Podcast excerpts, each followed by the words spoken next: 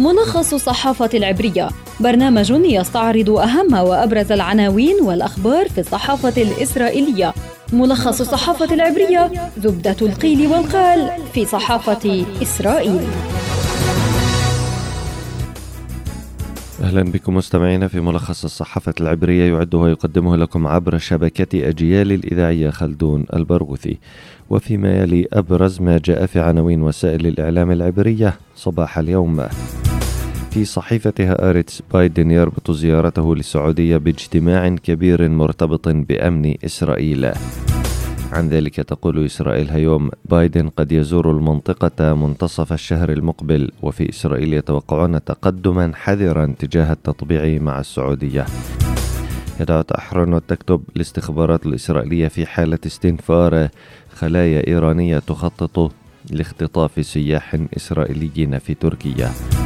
وهيئة البث الإسرائيلية تكشف إحباط محاولة إيران اختطاف إسرائيليين في تركيا كان قبل اغتيال القيادي الكبير في الحرس الثوري في طهران.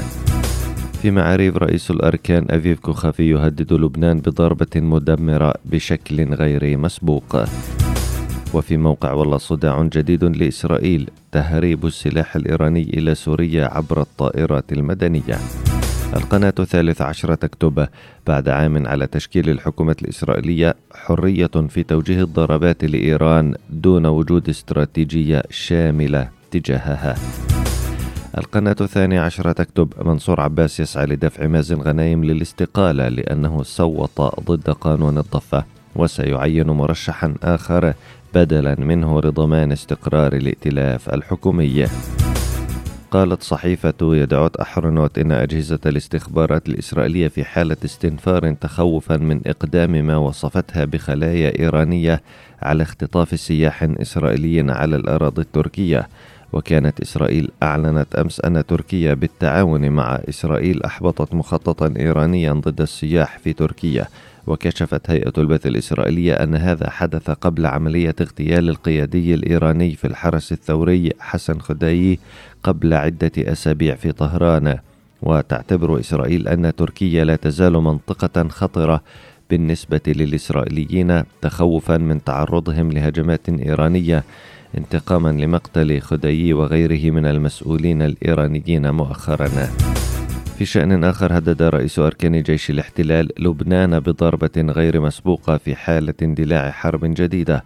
وقال أبيف كوخافي في تصريحات خلال مؤتمر حول أمن الجبهة الداخلية الإسرائيلية إن الجيش وضع قائمة بآلاف الأهداف التي سيتم تدميرها في لبنان في منظومة الصواريخ والقذائف التي يمتلكها حزب الله. وستشمل الضربة مقرات القيادة والقذائف الصاروخية والراجمات ومزيدا من الأهداف وأضاف أن تواجد قوات أو مستودعات سلاح في مناطق مدنية لن يحميها في لبنان وسيتم استهداف هذه المناطق وحذر اللبنانيين بضرورة مغادرة تلك المناطق مع انطلاق رصاصة الحرب الأولى حسب وصف رئيس أركان جيش الاحتلال أفيف كوخافي. في الأزمة السياسية في إسرائيل يبدو أن منصور عباس مستعد للتضحية بمازن غنايم مقابل محاولة ضمان استقرار الائتلاف الحكومي.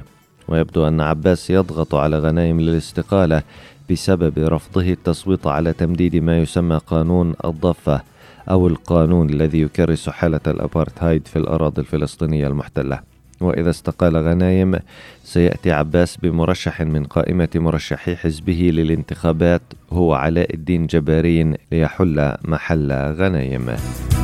نهاية حلقتنا من ملخص الصحافة العبرية أعدها وقدمها لكم عبر شبكة أجيال الإذاعية خلدون البرغوثي. تحياتي وإلى اللقاء.